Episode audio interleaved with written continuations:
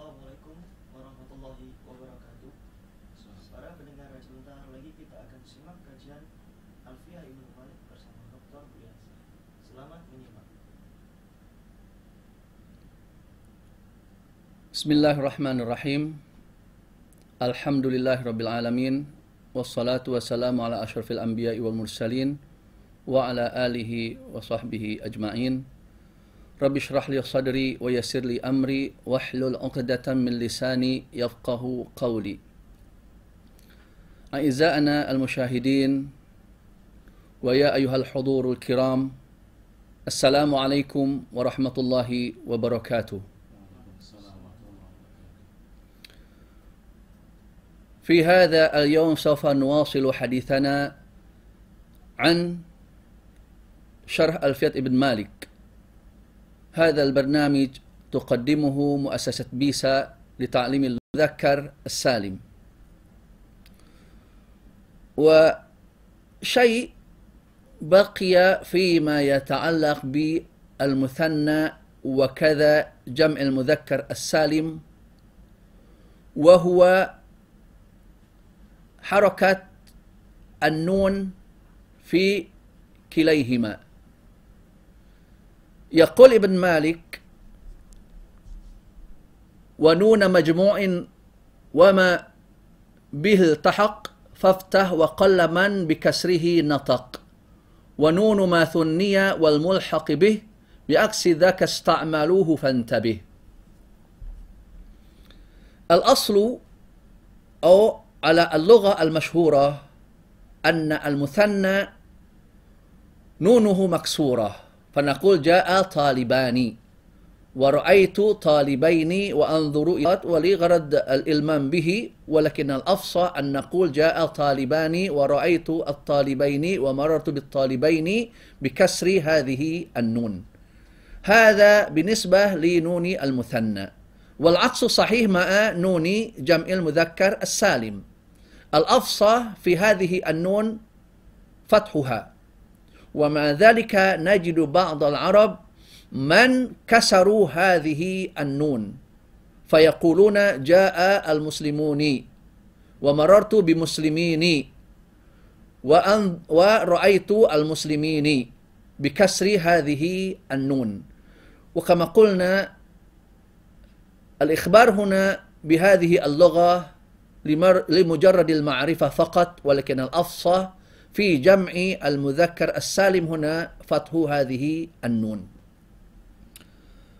وهناك أمر قبل الحديث عن باب جديد من الأبواب التي تعرب بعلامات بعلامات فرعية وهو عندما نحن عندما درسنا الأسماء الستة وكذلك المثنى وكذلك جمع المذكر السالم. نجد أن العلامات الفرعية في هذه الأبواب حروف. فكما نعرف أن جمع أن الأسماء الستة هذه الأسماء تكون مرفوعة وعلامة رفعه الواو نيابة عن الضمة. ويكون منصوبا وعلامة نصبه الألف نيابة عن الفتحة ويكون مجرورا وعلامة جره الياء نيابة عن الكسرة. فنقول هذا أبوك رأيت أخاك ومررت بحميك.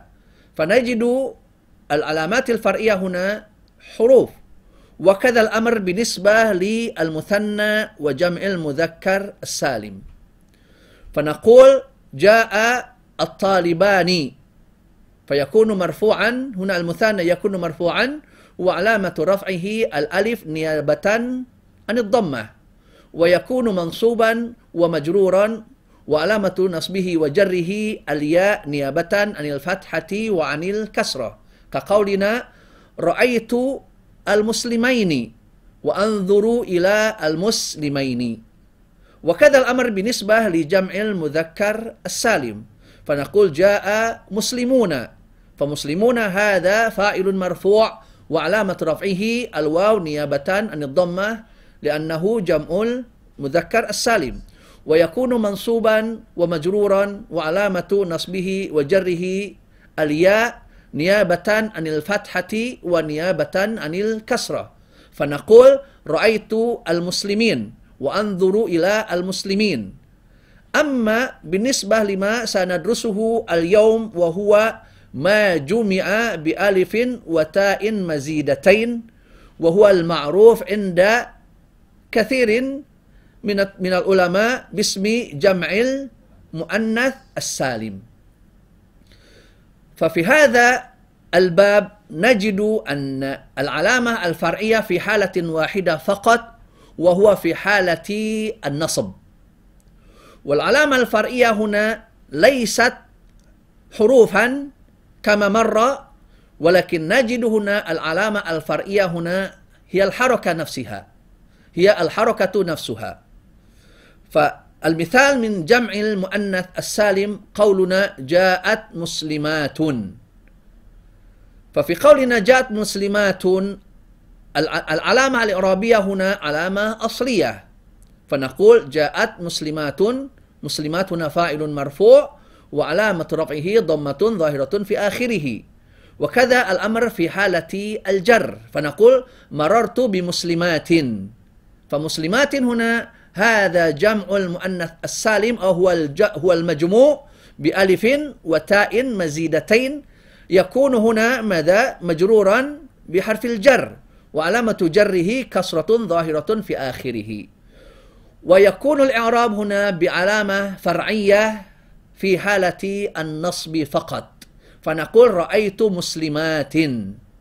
فقولا مسلمات وإن كانت وإن كانت العلامة هنا الحركة ولكن هذه الحركة هي الكسرة. والكسرة في الأصل حركة أصلية لأي شيء للجر. ولكن لما تكون هذه الحركة علامة للنصب فتكون هذه الحركة في هذا الباب علامة فرعية. فنقول رأيت مسلمات فنقول مسلمات هنا هذا مفعول به منصوب وعلامة نصبه فت وعلامة نصبه كسرة ظاهرة في آخره نيابة عن الفتحة هكذا نعرب جمع المؤنث السالم أو هو المجموع بألف وتاء مزيدتين. فهذا هو جمع المؤنث السالم. وقد يرد سؤال من أحدكم لماذا سمى ابن مالك في هذه الألفية وهو يقول وهو يقول وما بتاء وألف قد جمع يكسر في الجر وفي النصب معا هنا وكذلك قال كذا أولات والذي اسما قد جعل كأذرعات فيه ذا أيضا كبل. هنا نجد ابن مالك سمى جمع المؤنث السالم المجموع بألف وتاء مزيدتين. السبب في ذلك السبب في ذلك وإن كنا نجد كثيرا من النحويين يسمون هذا الباب يسمون هذا الباب جمع المؤنث السالم. ولكن لبعض التغييرات التي حصل فيها لبعض التغييرات التي حصلت في هذا الجمع مثل قولنا في جمع هجرة هجرات. فحصل التغيير هنا في حركة عين الكلمة وكذلك في جمع غرفة غرفات وكذلك في جمع أخ في جمع أخت أخوات وفي جمع بنت بنات. فبسبب هذه التغييرات التي تحصل في بعض ما جمع هذا الجمع بعضهم يسمون هذا الباب المجموع بألف وتاء مزيدتين. ولكن بالنسبة لهؤلاء الآخرين الذين قالوا إن هذا الباب هو جمع المؤنث السالم السبب في ذلك لأنهم نظروا إلى هذا الجمع وتجاوزوا عن بعض الألفاظ التي حصل بها تغيير في بعض الحركات. ومع ذلك هنا نحن يجوز لنا أن نقول إن هذا الباب هو جمع المؤنث السالم ويجوز لنا بعد ذلك أن نقول إنه هو المجموع بألف وتاء مزيدتين. يهمنا هنا أن نعرف لماذا ابن مالك سمى هنا في الألفية أن هذا الباب هو ماذا؟ ما جمع بألف وتاء مزيدتين. طبعا لابد أن تكون هذه الألف وأن تكون هذه التاء مزيدتين. ثم في البيت الثاني الذي قرأت لكم قبل قليل كذا أولات والذي اسما قد جعل كأذرعات فيه ذا أيضا قبل. هنا يريد ابن مالك أن يشير إلى ما يم ما يلحق بهذا الجمع. فما يلحق بهذا الجمع مثل أولاء. مثل ماذا؟ أو أولو وأولي. تقول جاء أولو علم. وأرأيت أولي أولات عفوا. في أولات تقول جاءت أولات علم. ورأيت أولات علم. ومررت بأولات علم. فأولات هنا هذه من الكلمات التي تكون ملحقة بجمع المؤنث السالم. ثم شيء آخر يكون ملحقا بهذا الجمع هو ما سمي بهذا الجمع. فإذا كان هناك شخص اسمه حجرات مثلا حجرات نقول هذا حجرات رأيت حجرات وأنظر إلى حجرات. هذا العلم بهذه الطريقة لا نقول إنه جمع المؤنث السالم. والسبب في ذلك في كونه علما ليس له مفرد. ومع ذلك يعامل هنا في طريقة استعمال هذه الكلمة على جمع المؤنث السالم. فلا نقول إنه جمع المؤنث السالم ولكن نقول إنه ملحق بهذا الجمع. وكذلك سمعتم عن أذرعات. هذا اسم موضع. نقول هذه أذرعات. ورأيت أذرعات وأنظر إلى أذرعات فأذرعات هنا في هذا الاستعمال كذلك ملحق بجمع المؤنث السالم. ومثال آخر عرفات. نقول هذه عرفات. أنتم تعرفون عرفات؟ عرفات هنا هؤلاء الحجاج هم هم أين؟ أين؟ طبعا معروف هذا في البلاد العربية في المملكة العربية السعودية. طبعا هذا هذا مشعر من المشاعر حيث إن الحجاج ماذا؟ يقفون في هذا الماء المكان. متى؟ في اليوم التاسع من ذي الحجة. فنقول هذه عرفات هذه لغة في هذه الكلمة. وبعضهم يمنعون هذه الكلمة من الصرف فيقولون هذه عرفات. رأيت عرفات وأنظر بعرفات. وهذا هو الدرس الذي سوف ندرسه بعد هذا. ففي حالة استعمال كلمة أدرعات وكذلك عرفات هنا على طريقة جمع المؤنث السالم في هذه الحالة نقول إن هاتين الكلمتين ملحقتان بأي شيء؟ بجمع المؤنث السالم. هذا ما يتعلق بما يجمع بألف وتاء مزيدتين أو نقول إنه جمع المؤنث السالم نعم وإلى هنا هذا ما يتعلق بهذا الباب إن كان هناك سؤال قبل أن أواصل الدرس هل لديكم سؤال؟ نعم واضح؟ الأمور واضحة؟ نعم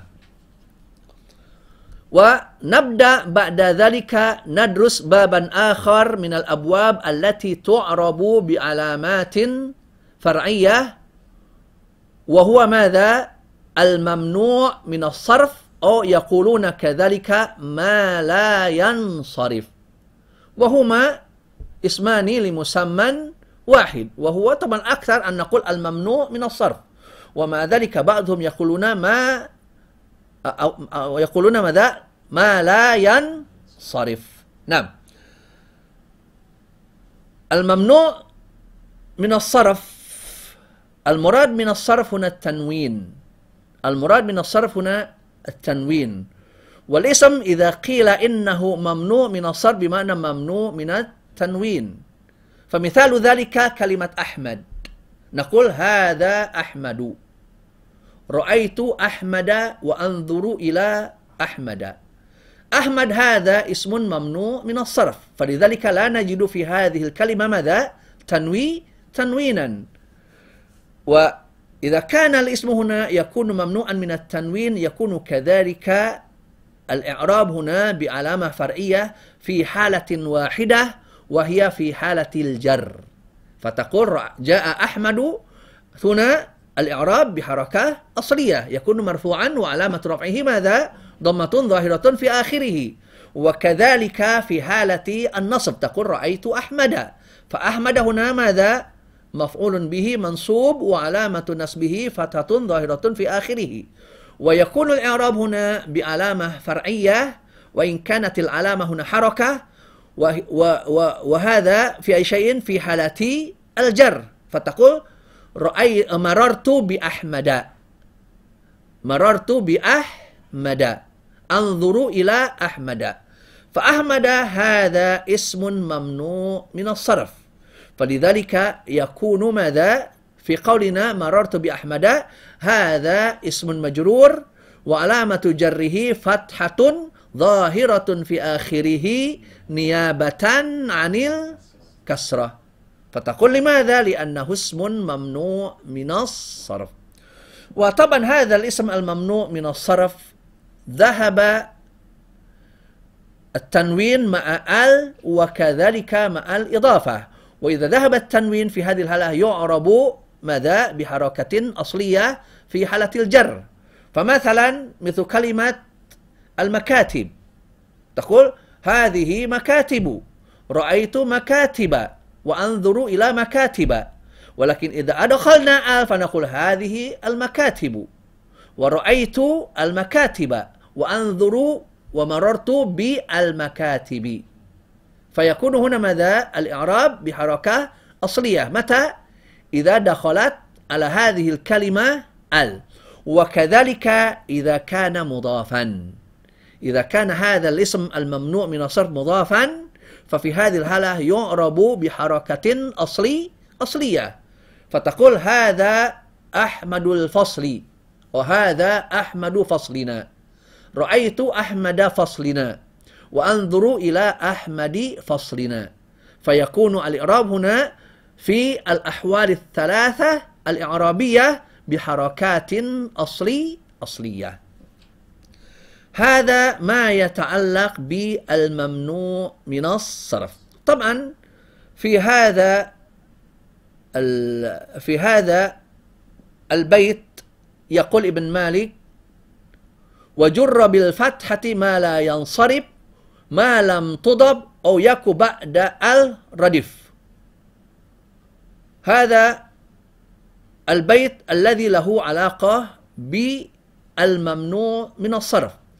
وابن مالك بعد ذلك سوف يتحدث عن الممنوع من الصرف بالتفصيل في مكان آخر. ومع ذلك ومع ذلك لغرض الإلمام السريع في هذا الباب أحاول أن أتحدث قليلا عن هذا الباب. فبداية أقول إن الممنوع من الصرف الاسم لا يكون ممنوعا من الصرف إلا مع وجود علة بل على وجود علتين والعلة العلتان هناك علتان أساسيتان وهما العلامية والوصفية ماذا؟ العلامية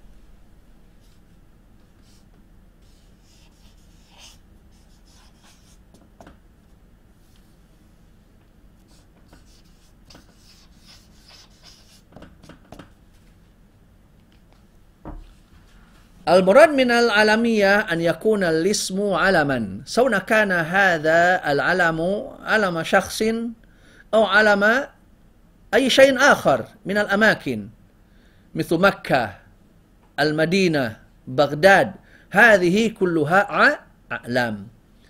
هذه الأعلام لا تكون ممنوعة من الصرف لوجود هذه العلة. بل لا بد مع هذه العلة بل لا بد مع هذه العلة علة أخرى. فمثلا نقول من العلل الأخرى مع العالمية العالمية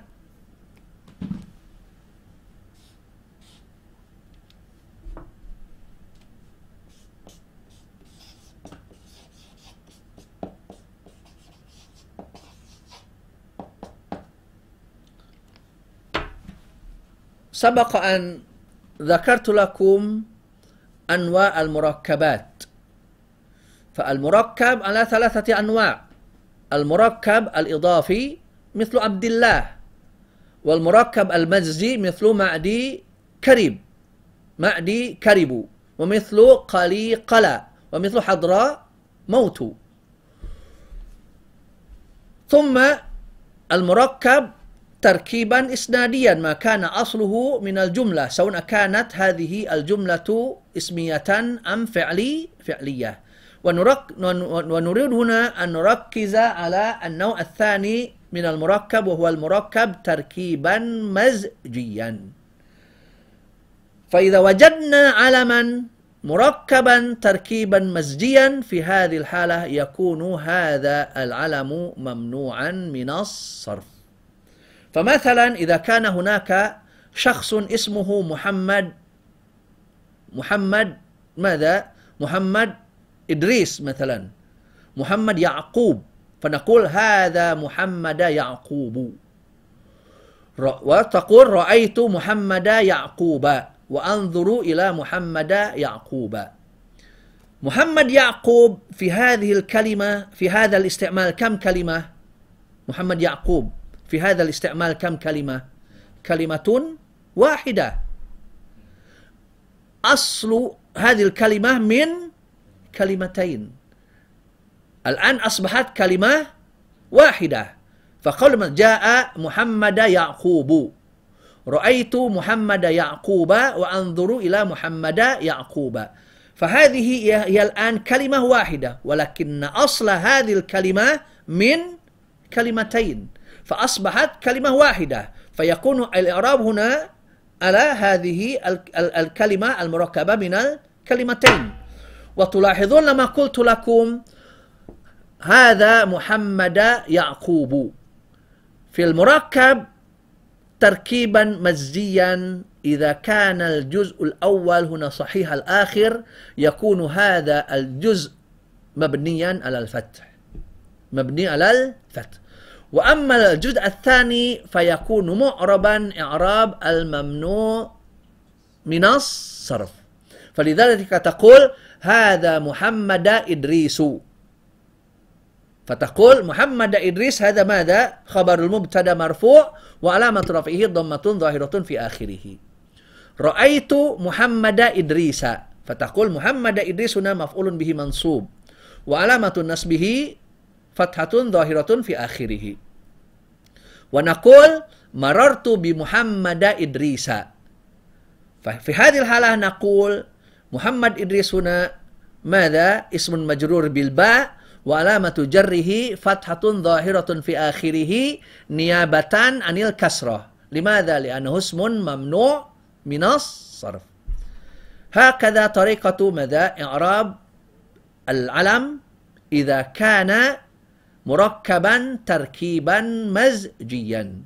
ولا بد من أن نعرف يا إخوان بالنسبة لهذا المركب تركيبا مزجيا لا يكون إلا من كلمتين.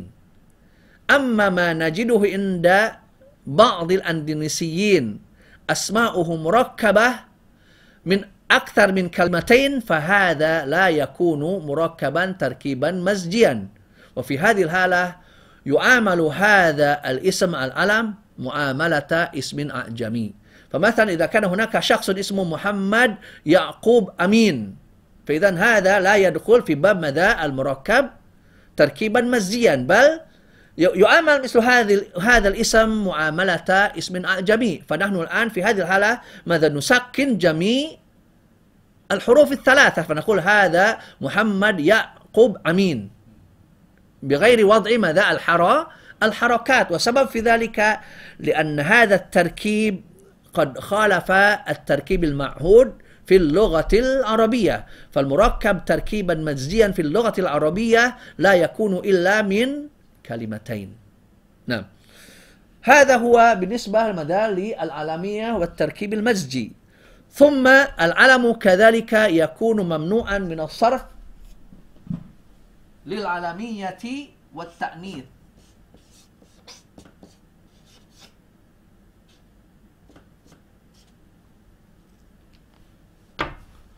والتأنيث إما أن يكون لفظيا وإما أن يكون معنويا وإما أن يكون لفظيا ومعنويا.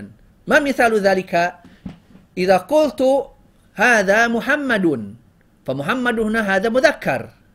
ولكن إذا قلت هذا أسامة أسامة هنا من حيث اللفظ مذكر.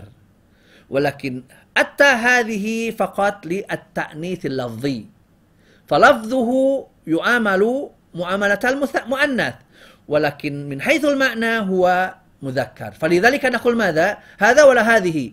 هذا أسامة ولا هذه أسامة. هذا أسامة. لماذا نقول هذا أسامة؟ لأنه من حيث المعنى مذكر. ولكن لماذا يكون هذا الاسم ممنوعا من الصرف؟ لأنه من حيث اللفظ مؤن مؤنث. فلذلك نقول هذا أسامة. فأسامة هنا هذا مؤنث لف لفظي. وإذا قلنا هذه سعاد نقول هذه سعاد. لماذا نقول هذه سعاد ولا نقول هذه سعاد؟ لأن سعاد هنا من حيث المعنى مؤنث. لماذا يكون مؤنث؟ لماذا يكون مؤنثا؟ لأنه اسم لمؤن لمؤنث. فهو من حيث المعنى ماذا؟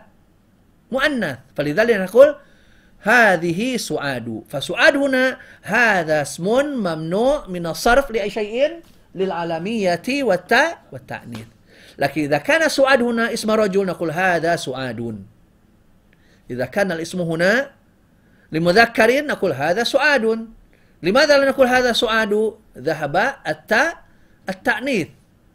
إذا كان علما لمؤنث نقول هذه سعاد ولكن إذا كان علما لمذكر نقول هذا سعاد سعاد هذا الذي يسمى بالمؤنث المعنوي.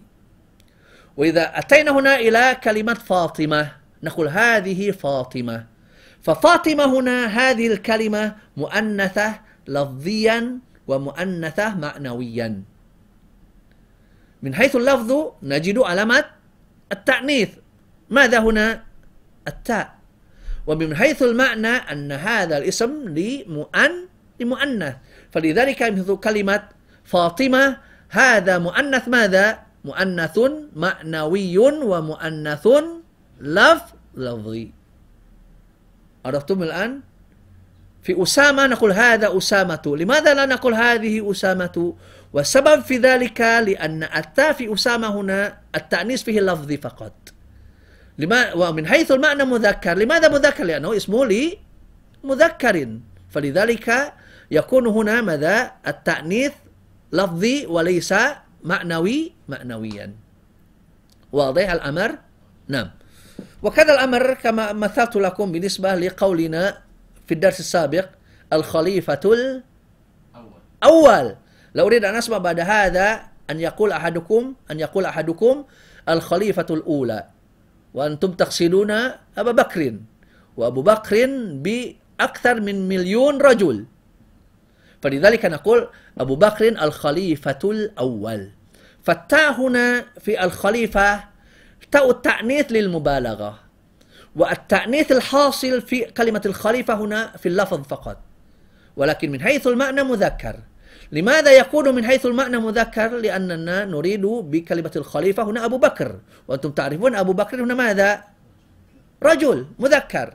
فنقول أبو بكر الخليفة الأول وعمر الخليفة الثاني وعثمان الخليفة الثالث وعلي الخليفة الرابع. لماذا؟ أنتم تعرفون لأن التأنيث هنا في هذه الكلمة تأنيث لفظي فقط. نعم. وقد يسألكم يا أستاذ ماذا تقول في كلمة هند؟ نقول بالنسبة لكلمة هند هنا إذا كان اسما لمؤنث نقول هذه هند وهذه هند. يجوز الوجهان. لماذا يجوز الوجهان؟ هكذا نقل عن العرب في هذه الكلمة. ومع ذلك علل العلماء هذه الظاهرة اللغوية. فقال الأصل أن نقول هذه هند وسبب في ذلك هند هنا علم وهو علم لشيء لمؤن لمؤنث فاجتمعت علتان. ومع ذلك نجد بعضهم يقولون هذه هند. وإنما صرفوا كلمة والسبب في ذلك لأن هذه الكلمة مكونة من ثلاثة أحرف فقط. وقد سكن وسطه. وتسكين الوسط هنا دليل على خفة هذه الكلمة. فإذا كان هناك كلمة على ثلاث أحرف وقد تحركت الحروف في هذه الكلمة ويكون هذا اسما لمؤنث ففي هذه الحالة لابد أن يكون ممنوعا من الصرف. فمن ذلك قوله تعالى ما سلككم في سقر. ما سلككم في سقر. فكلمة سقر هنا هذا اسم ممنوع من الصرف. لماذا؟ للعالمية والتأنيث. يا أستاذ لماذا كلمة سقر هنا مؤنث؟ لأنه اسم للعالمية النار. والعرب يؤنثون النار تقول هذه نار. فذلك نار ماذا؟ في القرآن الكريم. نار حامية. وإنما يكون اسم سقر هنا ممنوع من الصرف للعالمية والتأنيث لأنه اسم للنار. والنار مؤنث إذن اجتمعت هنا علتان وإنما لا يجوز لنا هنا أن نصرف كلمة سقر. لماذا؟ لأن كلمة سقر وإن كان وإن كانت هذه الكلمة مكونة من ثلاث حروف من ثلاث أحرف ومع ذلك نجد أن وسط هذه الكلمة متحر متحرك. فلذلك بقي هنا على ثقل هذه الكلمة فلا بد من منع هذه الكلمة من الصرف. نعم. هذا بالنسبة للعالمية والتأنيث. ثم نأتي بعد ذلك إلى الثالث العالمية ووزن الفعل. العالمية ووزن الفعل. إذا كان هناك شخص اسمه ينطلق نقول هذا ينطلق. رأيت ينطلق وأنظر إلى ينطلق. فالمراد من قولنا وزن الفعل بمعنى الوزن المشهور ماذا في اللغة العربية للفعل الفعلي. أما إذا كان هناك إذا كان هناك وزن يتساوى فيه الاسم والفعل فلا يكون الاسم هنا ممنوعا من الصرف. ومثلا إذا سميت ولدك ذهب هذا قد يكون من كلمة ذهب. الذي هو اسم معدن وقد يكون هذا الاسم هنا من الفعل الماضي ذهب. ولكن الأشهر هنا إذا سميت ولدك ذهب نقول هذا ذهب. رأيت ذهبا. لماذا؟ لأنه إن كان من الأوزان للفعل الماضي ولكن هذا الوزن ليس مشهورا في أي شيء في الفعل بل يشاركه في هذا الوزن كثير من الأسماء والمراد وزن الفعل هنا الوزن المشهور للفعل. مثل ماذا؟ مثل الفعل المضارع مثلا. أو مثل فعل الأمر. إذا سميت ولدك اذهب مثلا. وهذا أصله من الفعل فعل الأمر. فنقول هذا اذهبوا رأيت اذهب وأنظر إلى اذهب اذهبا فيكون الاسم هنا ممنوعا من الصرف للعالمية ووزن الفعل مثل كلمة أحمد. ومن حمد يحمد. أحمد نقول هذا أحمد. رأيت أحمد وأنظر إلى أحمد. فأحمد هنا يكون ممنوعا من الصرف للعالمية ووزن الفعل. يعني أنت إذا سميت ولدك ماذا؟ يذهب يرجع ينام يزيد. فيكون الاسم هنا ممنوعا من الصرف للعالمية ووزن الفعل. ثم نأتي بعد ذلك لشيء آخر. مع العالمية هنا زيادة؟ الألف والنون.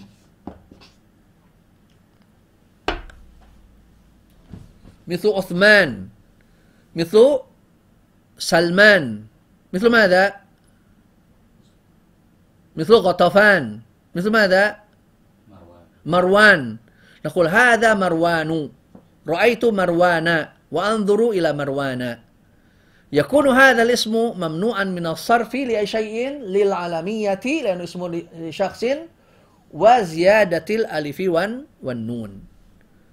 وأنتم تعرفون الخليفة الخليفة الثالثة من هو؟ عثمان. ماذا نقول؟ عثمان بن عفان ولا عفان عثمان بن عفان أنتم تسكنون. لكن هو من؟ عثمان بن عفان ولا عثمان بن عفان؟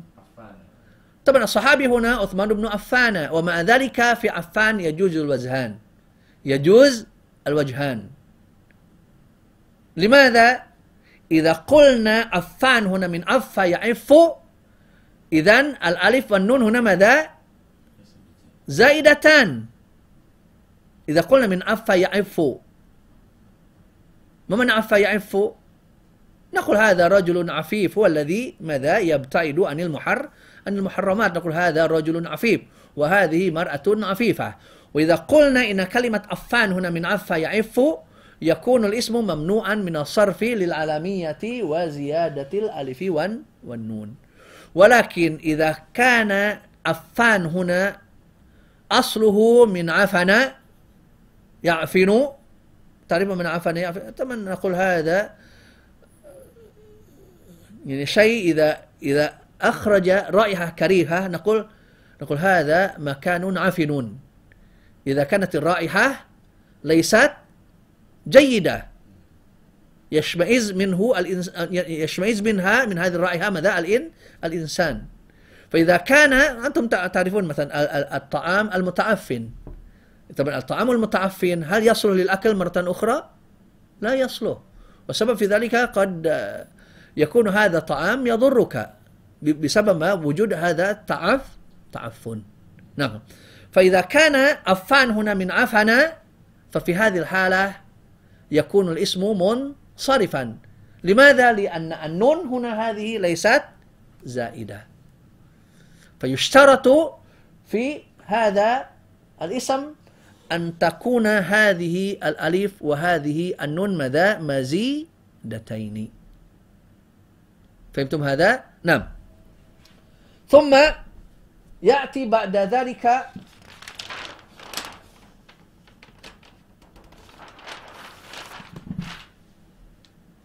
مع نكتب نكتب هنا مع العلامية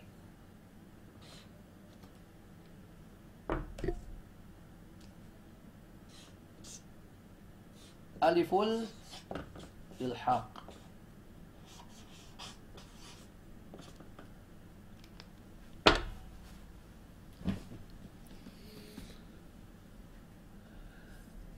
بالنسبة لهذه الألف هذه الألف زائدة هذه الألف زائدة. وهذه الألف عندما تلحق اسما من الأسماء العربية هذا الاسم يبقى منصرفا مثل ألقن. قالوا إن ألقن الألف في ألقن هو أصل الألقاء. الألف طبعا وهو اسم نبات ألقن. وهو واحد ألقاه ألقات واحد عفوا ألقان واحدة ألقاتون بالتاء. وهو من اسم الجنس الجم جمعي. ألقن هنا يقولون إن الألف في ألقن هنا ألف للإلحاق. وأصله علق على وزن فعل ولكي يكون ولكي يكون على وزن جعفر ألحقوا هذه الألف. طبعا هذه علة من النح... من اللغويين من النحويين اللغويين. أما العرب يقولون ألقا هكذا ولكن النحويون هم بحثوا عن سبب ماذا؟ صرف كلمة ألقا مع أن الألف في ألقا هنا زائدة. فقالوا إن الألف هنا إنما تكون للإلحاق. هي الكلمة أصلها علق هي ثلاثي ولكي تكون هنا على وزن رباعي زادوا ماذا؟ هذه الألف. فقال إن هذه الألف للإلحاق. فأصله على وزن فعل مثلا ثم مع هذه الألف تكون هذه الكلمة على وزن فعل مثل جع جعفر. مثل ماذا؟ مثل جع جعفر. ومثال آخر مثل كلمة حرباء مثلا. حرباء. هذا في نجد هنا ألفا وإن كانت الألف بعد ذلك انقلبت همزة لتطرفها. فقالوا إن ألف هنا كذلك في هرباء ألف الإلحاق وأصله حرب هكذا. على وزن فعل فعل لا يهمنا. ولكن في كلمة حربة هنا نقول إن هذه الكلمة هنا على وزن فعلال. لماذا؟ للإلحاق هنا بوزن قر قرطاس. قالوا إن هذه الألف ألف الإلحاق. طبعا السبب في ذلك سوف أذكر بعد هذا. سوف أذكر ونحن نتحدث ماذا عن شيء آخر هنا. ثم بعد ذلك مع العالمية العدل. والعالمية ماذا العدل العدل.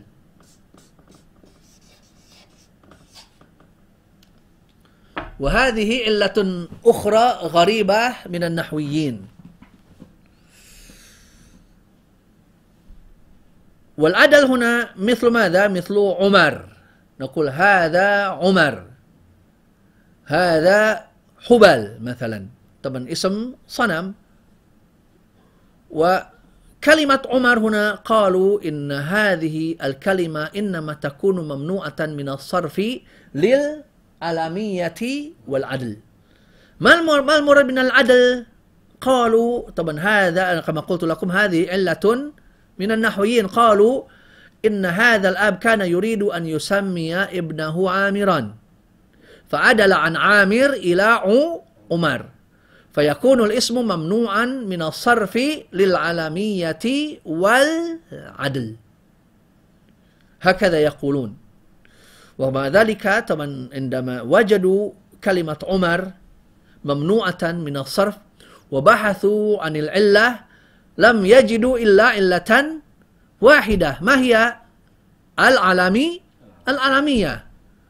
وبحثوا عن علة أخرى فلا يجدون. فقالوا بالعدل بالعدل. فقال إن عمر هنا أصله عامر فعدل من عامر إلى إلى عمر. فيكون الاسم ممنوعا من الصرف للعالمية والعد والعدل. هذا بالنسبة للنوع الأول هنا ماذا؟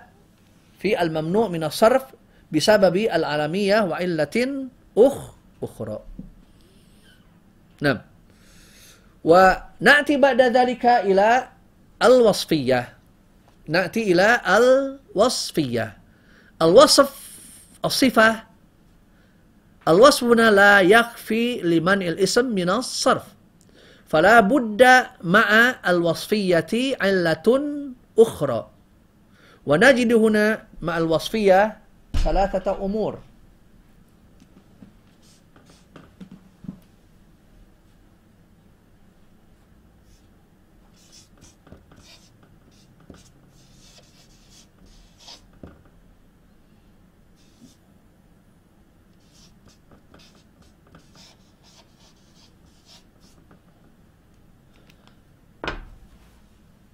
الأول مع الوصفية ماذا؟ وزن أفعل الذي مؤنثه فعلا.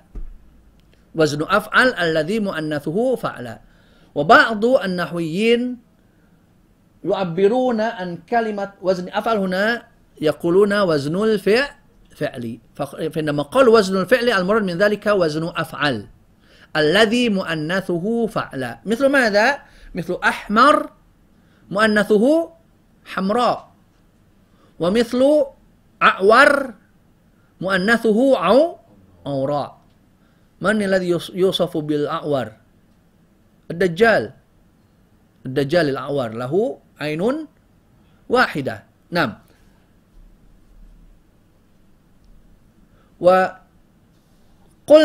لا بد أن يكون هذا الوزن مؤنثه فعلاء مثل نقول هذا هذا جدار أسود. نقول هذا جدار أسود. فيكون أسود هنا ممنوع من الصرف للوصفية ووزن أف أفعال. الأفعال الذي مؤنثه فعل ما مؤنث أفعال ما مؤنث أسود هنا سو سوداء. ولكن إذا كان مؤنثه هنا ليس أفعل فيكون الاسم في هذه الحالة منصرفا. كما مثلت فيما من قبل كقولنا هذا رجل أرمل والأرملون. هذا رجل أرمل لماذا؟ لأن مؤنثه ليس على وزن فعل فعلا وإنما مؤنثه أن على وزن أفعلة. نقول هذا رجل أرمل وهذه مرأة أرملة. فيكون الاسم هنا ماذا منصرفا لماذا؟ وإن كان هذا الاسم الوصف على وزن أفعال ولكن مؤنثه ليس على وزن فعلا قد يكون وزن أفعل هنا له مؤنث وقد يكون وزن أفعل هنا ليس له مؤنث إذا كان صفة خاص لمذك لمذكر. نعم. ونأتي بعد ذلك إلى النوع الثاني مع الوصفية وزن فعلان.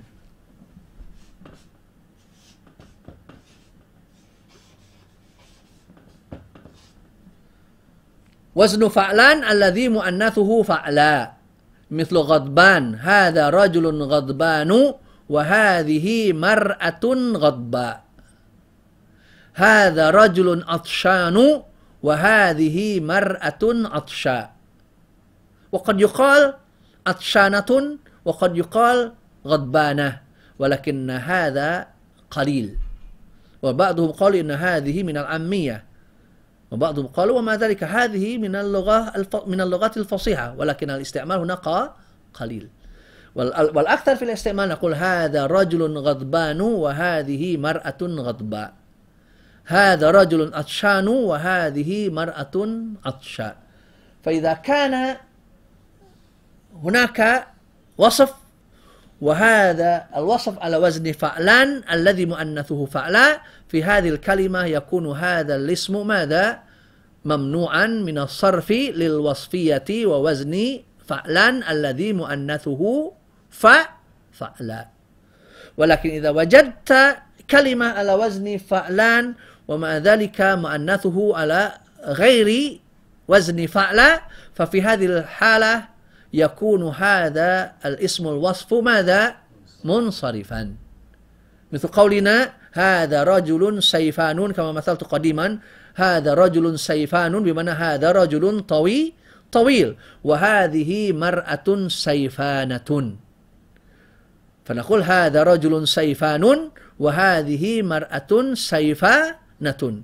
يكون الاسم هنا منصرفا وإن كان صفة على وزن فعلان لماذا؟ لأن مؤنثه فعلا فعلانة وليست وليس فعلا نعم. ثم مع الوصفية مع الوصفية العدل. ونجد هذا كثيرا في العدد. ومن ذلك قول تعالى فانكحوا ما طاب لكم من النساء مثنى فلا يجوز لك أن تقول مثنى وإنما تقول مث مثنى. لماذا؟ لأن مثنى هنا هذا اسم ممنوع من الصرف للوصفية والعد والعدل. والعدل من أي شيء؟ العدل من كلمات اثنين. من كلمات إذ اثنين. فانكحوا ما طاب لكم من النساء مثنى وثلاثة ورباعا فيكون الاسم هنا ممنوعا من الصرف لأي شيء للوصفية والعد والعدل. والمعدول هنا من العدد على وزنين معروفين.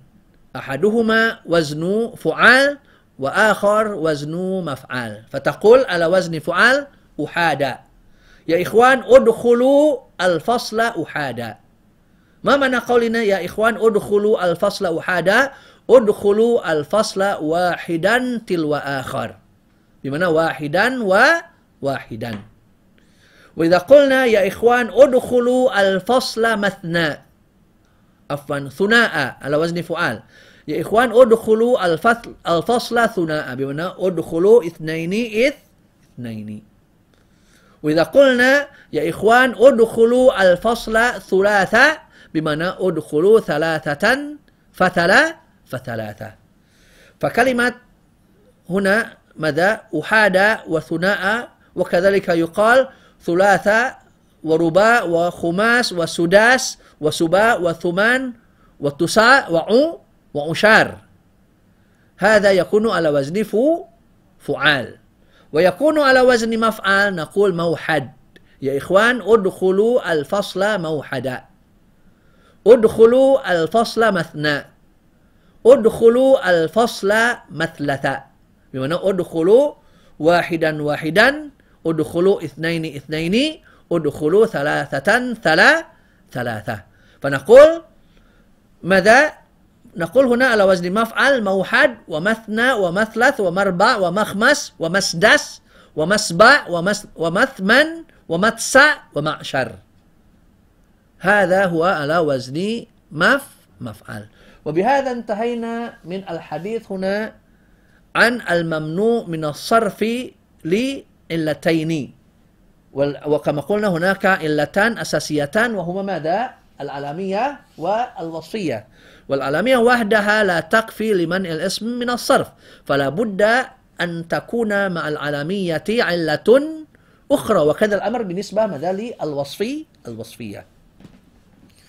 وهناك شيء آخر يكون الاسم ممنوعا من الصرف يكون الاسم ممنوعا من الصرف لعلة واحدة تقوم مقام العلتين. بسبب العلة القوية في هذه الكلمة تكون هذه الكلمة ممنوعة من الصرف. نجد هذا الممنوع من الصرف لعلة واحدة في مقام العلتين نجد هذا في ثلاثة أمور.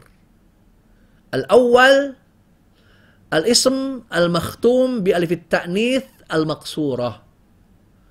الاسم المختوم بألف التأنيث المقصورة. مثل ماذا؟ مثل كلمة ذكرى. مثل كلمة بش بشرى. فيقول الله سبحانه وتعالى ذكرى للعالمين. ذكرى. لا نقول ذكرا. وإنما ذك ذكرى لماذا؟ لأن هذا الاسم ممنوع من الصرف لماذا؟ لأن هذا الاسم ممنوع من الصرف لإلا واحدة تقوم مقام الإلتين ماذا هنا؟ أن هذه الكلمة مختومة بألف التأنيث المقصورة ألف التأنيث المقصورة لا بد أن تكون زائدة الألف ماذا؟ ألف التأنيث المقصورة هنا إذا أردنا أن نجد الكلمة ممنوعة من الصرف هنا. هذه الألف زائدة ليست من حروف الكلمة الأصلي الأصلية. مثل كلمة ذكرى أصل الكلمة ماذا؟ ذا ك را. فالألف هنا زا زائدة. وهذه الألف تسمى الألف اللينة. جميع الألف هنا التي في آخر الكلمة ما اسمها؟ ألف التأنيث المقصورة اللي اللينة. لماذا نقول اللينة؟ لأنها ليست قوية. لو كانت قوية تكون هم همزة. يعني لا نفرق بين الألف والألف اللينة على أن الألف اللينة هنا يا أستاذ مكتوبة على شكل الياء من غير نقطتين. لا. سواء أن تكتب بهذه الطريقة أو بالألف فهي ألف الت... هي ألف ماذا؟ لي لينة. نعم. ومن, ومن من المثال الآخر مثل كلمة بشرى كلمة بش بشرى كذلك هنا يكون الاسم ممنوعا من الصرف لماذا؟ لماذا؟ لأن هذه الكلمة مختومة بألف التأنيث ماذا؟ المقصو المقصورة يعني هذا الاسم المختوم بهذه الألف نجده في المفرد نجده ماذا؟ في المف في المفرد مثل ماذا؟ مثل ذكرى مثل بشرى قبل قليل قلنا ونجد أكثر من ذلك في الجمع. ما مثال ذلك إذا سألتك؟ ما جمع جريح؟ ما جمع جريح؟ جر جرحى. ما جمع مريض؟ مرضى. لا يجوز لك أن تقول في جمع مريض مرضا. لماذا؟ لأن هذه الكلمة ممنوعة من الصرف لأنها مختومة بهذه الألف ماذا؟ المقصو المقصورة. فنقول مرضى وكذلك جر جرحا وهناك شيء آخر من الممنوع من الصرف لعلة واحدة تقوم مقام العلتين. إذا كان الاسم مختوما بألف التأنيث الممدودة. ماذا؟ بألف التأنيث الممدودة ما المثال من ألف التأنيث الممدودة؟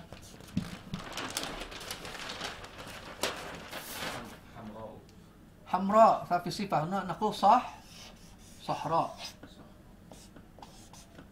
ماذا؟ صحراء فالصحراء هنا مختومة بألف التأنيث الممدودة والسؤال الآن أين هذه الألف؟ بين الراء والهم والهمزة وهذا خطأ. الألف هي هذه الهمزة. هي أصلها ألف ولكنها انقلبت همزة لتطرفها وألف قب قبلها. يعني إذا إذا سئل أحدكم صحراء هذه الكلمة مختومة بألف التأنيث الممدودة. والسؤال أين هذه الألف؟ فتقول إن هذه الألف هي هذه الهمزة. أما هذه ألف أخ أخرى. وإنما المراد من ألف التأنيث الممدودة هذه الهمزة. وإنما انقلبت هذه الألف همزة كما قلنا لتطرفها وسكون ما قبلها ووجود الألف قبلها. فنقول صحراء هنا ممنوع من الصرف لعلة واحدة تقوم مقام العلتين. لماذا؟ لأن هذه الكلمة مختومة بألف التأنيث الممدودة التي تحولت هنا إلى هم إلى همزة. وهذا كذلك نجد في المفرد قليل جدا ونجد في الجمع كثير. والسؤال الآن من منكم يأتي بمثال من اسم مجموع اسم مجموع آخره هذه الألف الممدودة ما جمع فقير فقراء ما جمع عالم علماء ما جمع نبي أنبياء فلذلك تقول علماء لا يجوز لك أن تقول علماء لماذا؟ لأن هذه الكلمة مختومة بألف التأنيث الممدو الممدودة. إذا تكون هذه الكلمة ممنوعة من الصرف لعلة واحدة تقوم مقام العلتين. هذا الثاني. ثم الثالث هنا ما يكون ممنوعا من الصرف لعلة واحدة تقوم مقام العلتين. إذا كان الاسم هنا على صيغة منتهى الجموع. فهناك صيغتان لمنتهى الجموع. إحداهما ماذا؟ مفا مفاعيل مثل مكاتب. ومفاعيل مثل ماذا؟ قرا قراطيس جمع قر قرطاس. فإذا وجدت كلمة على هذا الوزن سواء كان هذه الكلمة مجموعة أو لم تكن مجموعة تكون هذه الكلمة ممنوعة من الصرف. مثل كلمة طباشير. طباشير هذا مفرد ولا جمع؟ هذا مفرد. وإن كان يا أستاذ جمع طباشير طبشورة. أنا لا أدري من أين جاءت بهذا المفرد. وإنما كلمة طباشير هنا هذا مفرد. نقول هذا طباشير. لا نقول هذه وإنما هذا طبا طباشير. ومع ذلك؟ هذه الكلمة ممنوعة من الصرف. لماذا؟ لأن هذه الكلمة على وزن صيغة منتهى الجموع. فالصيغة هنا لا يشترط فيها أن تكون جمعا بل سواء كان مفردا إذا كان على هذا الوزن يكون ممنوعا من الصرف. طبعا الأكثر وزن صيغة منتهى هنا لأي شيء للجمع للجمع. مثل مكاتب مساجد. وكذلك مثل ماذا؟ مثل مصباح مصا مصابيح. وقرطاس قرا قراطيس. إخواننا المشاهدين وكذلك الحضور هنا نكتفي بهذا القدر وسوف يكون لقاؤنا إن شاء الله في الأسبوع القادم وندرس ما تبقى من الأبواب التي تكون معربة بعلامات فرعية. وبالهداية والتوفيق والسلام عليكم ورحمة الله وبركاته.